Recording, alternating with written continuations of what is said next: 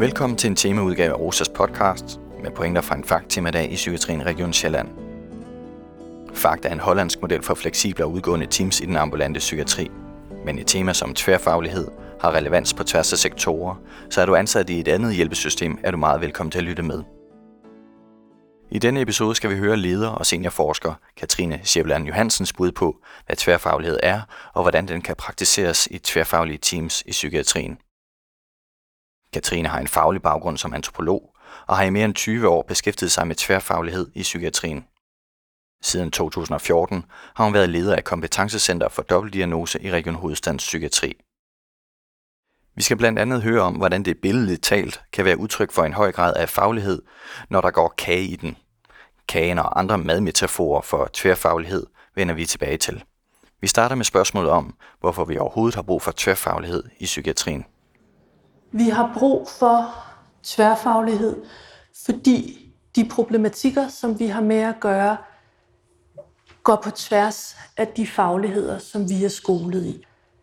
Det er ikke for at sige, at vores fagligheder er forkerte. Altså, de er nødvendige, fordi vi kan ikke være eksperter i det hele. Forskellige fag er gode til at løse nogle forskellige typer af problemer, men den måde, livet kommer på, den måde, udfordringerne former sig på, den måde, psykiske lidelser manifesterer sig på, følger jo ikke vores kategorisering af, at der er noget, der handler om øh, sundhed, der er noget sundhedsfaglige område, der er noget, der handler om det socialfaglige område, der er noget, der handler om beskæftigelsesaktivering. For vores patienter eller vores borgere, brugere, der er de her ting øh, super tæt øh, knyttet sammen. Menneskers liv kan være meget sammensatte og komplekse, men uanset hvad, så udgør de for den enkelte et helt liv. Det er professionelles specialisering i forskellige fag, og det faktum, at ingen kan være eksperter på alting, der skaber behovet for tværfaglighed.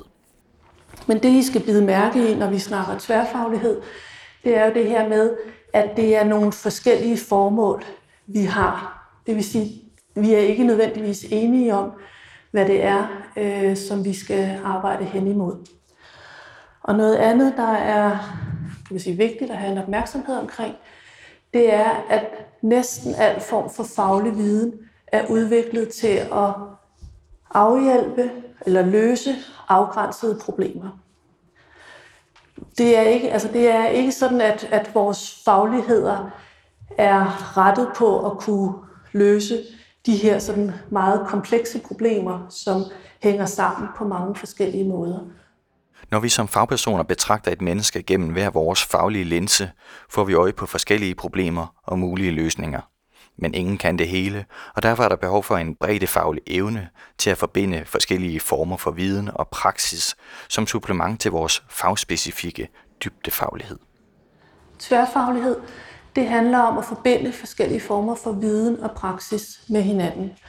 Altså at for de her forskellige ting, vi kan, de her forskellige typer af problemer, vi med forskellig faglighed kan løse, for dem til at spille sammen.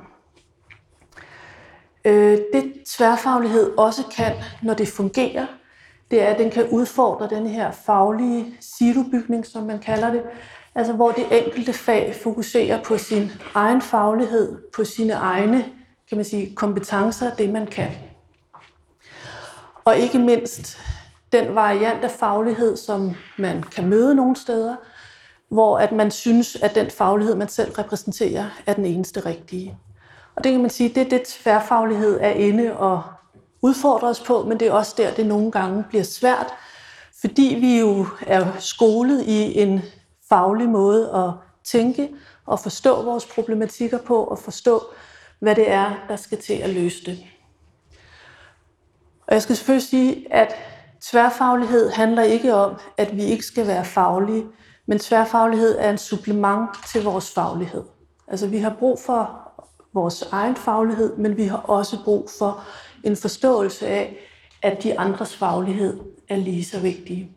Inden for psykiatrien kategoriserer vi typisk fagligheder inden for det biologiske, det psykologiske og det socialfaglige i den såkaldt biopsykosociale model.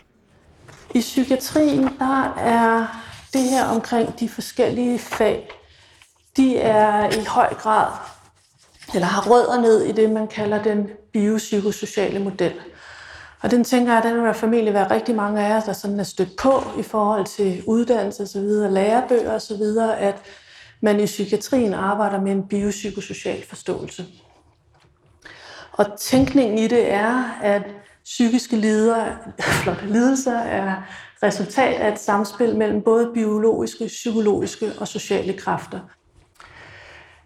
Tit så vil man også sige, at, at det at tænke psykiske lidelser som biopsykosociale lidelser, også indikerer, at de psykiske lidelser også, altså en ting er, at de kommer fra det, men de påvirker også både biologiske, psykologiske og sociale forhold, og at der derfor også er brug for behandlingsmæssige indsatser, som adresserer øh, de her tre øh, elementer.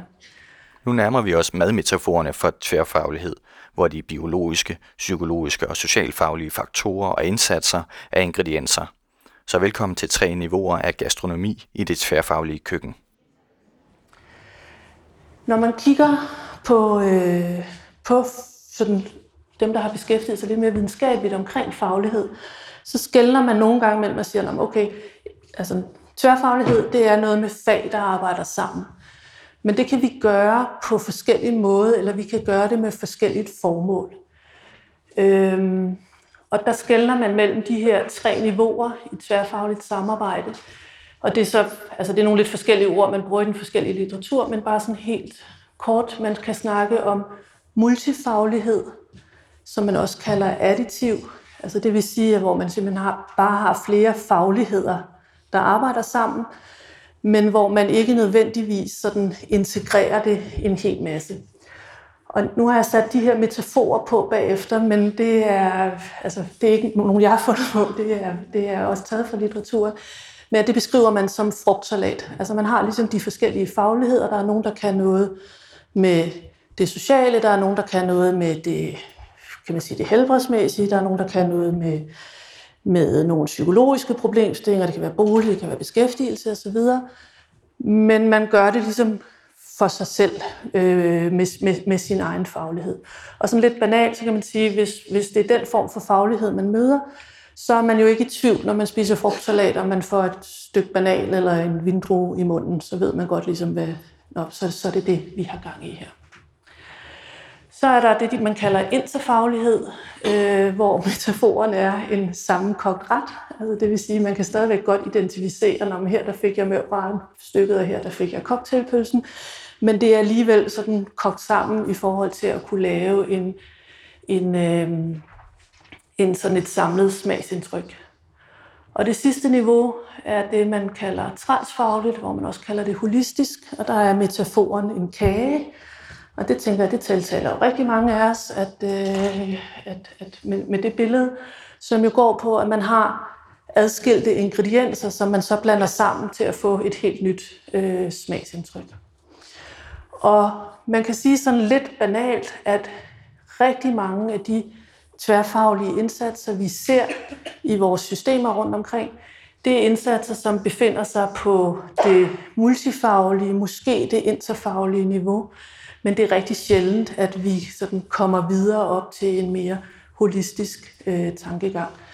Men når vi kigger på de metaforer, så er vi jo i virkeligheden over i noget, som er skaber noget nyt, når vi er, når vi er sammen. Når vi snakker om det helhedsorienterede, så er vi i virkeligheden over i de her sådan lidt mere holistiske tænkninger. Og i hvert fald i litteraturen omkring tværfaglighed, der peges der på, at jo højere op man kan komme i det her niveau, eller jo mere tværfagligt hen imod det transfaglige man kan komme, jo større er der mulighed for, at man kan lave nogle spændende, kan man sige, mere målrettede interventioner eller fokus øh, omkring det.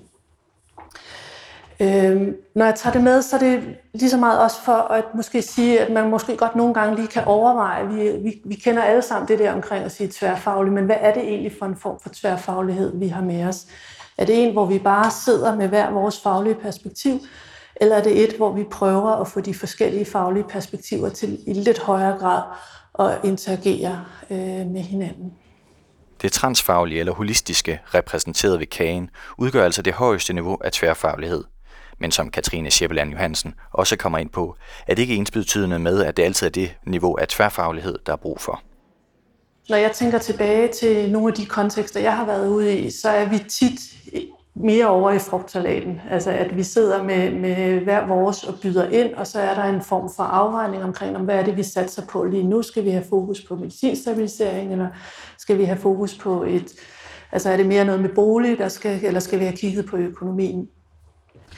Og jeg tænker, altså skridtene videre er det her med altså, at komme lidt tættere på, hvordan de her ting de hænger sammen øh, for, den, øh, for den enkelte borger eller for den enkelte patient sådan så at det i højere grad bliver de oplevelser og de kan man sige, problematikker, som, som, som de får beskrevet, som er styrende for, hvad det er for nogle ting, øh, der skal i, øh, i spil omkring det. Og så tænker jeg, at der ligger rigtig meget i forhold til det der med at have en forståelse af, hvordan hinanden de bidrager ind i opgaveløsningen øh, i forhold til det.